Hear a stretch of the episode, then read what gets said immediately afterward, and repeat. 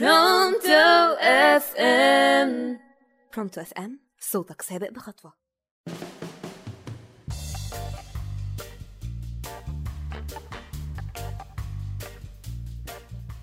مساء الخير عليكم مستمعينا في كل مكان. أنتوا بتسمعونا دلوقتي على Pronto FM معاكم يارا خليفة وبرنامج قبل ما ننسى. بفكر نفسي بفكركم إن الخذلان هو الشعور الأصعب اللي بيندرج تحته الخيانة عدم الوفاء بالوعد البيع كسر الخاطر. الخذلان بالبلدي كده هو لما تبقى عايز تقول لحد إن ما كانش ده عشمي فيك وطبعا كل ما كانت مكانة الشخص دي أكبر كل ما كان الشعور أصعب.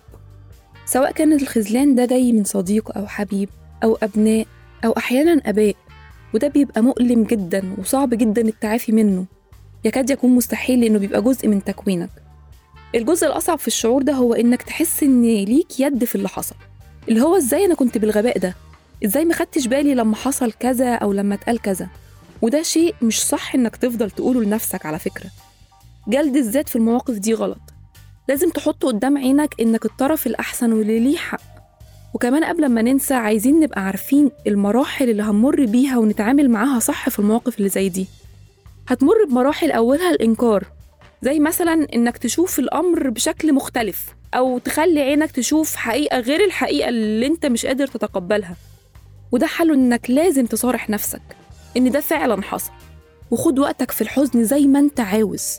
ما تفكرش في حلول ما تاخدش أي قرارات غير إنك تقول لنفسك أنا دلوقتي هاخد وقتي في الحزن. ما يزيدش عن أسبوع. ما تعطلش نفسك كتير إنك هتدخل بعدها في مرحلة الغضب. بس اوعى في مرحلة الغضب دي إنك توجه طاقتك للانتقام.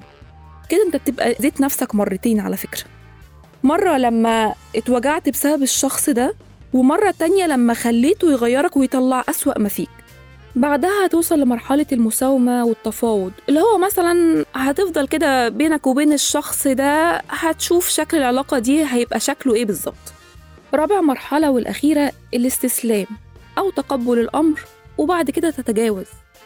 في النهاية عايزة أقول إن مفيش حد عايش ما بيتعرضش للخذلان مرة أو اتنين وتلاتة والحلو إنك بعد كل مرة بتبقى نسخة أحسن من اللي قبلها.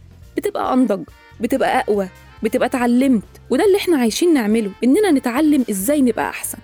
وبكده تبقى حلقتنا خلصت استنونا في الحلقة الجاية هنفكر بعض بحاجات مهمة قبل ما ننسى.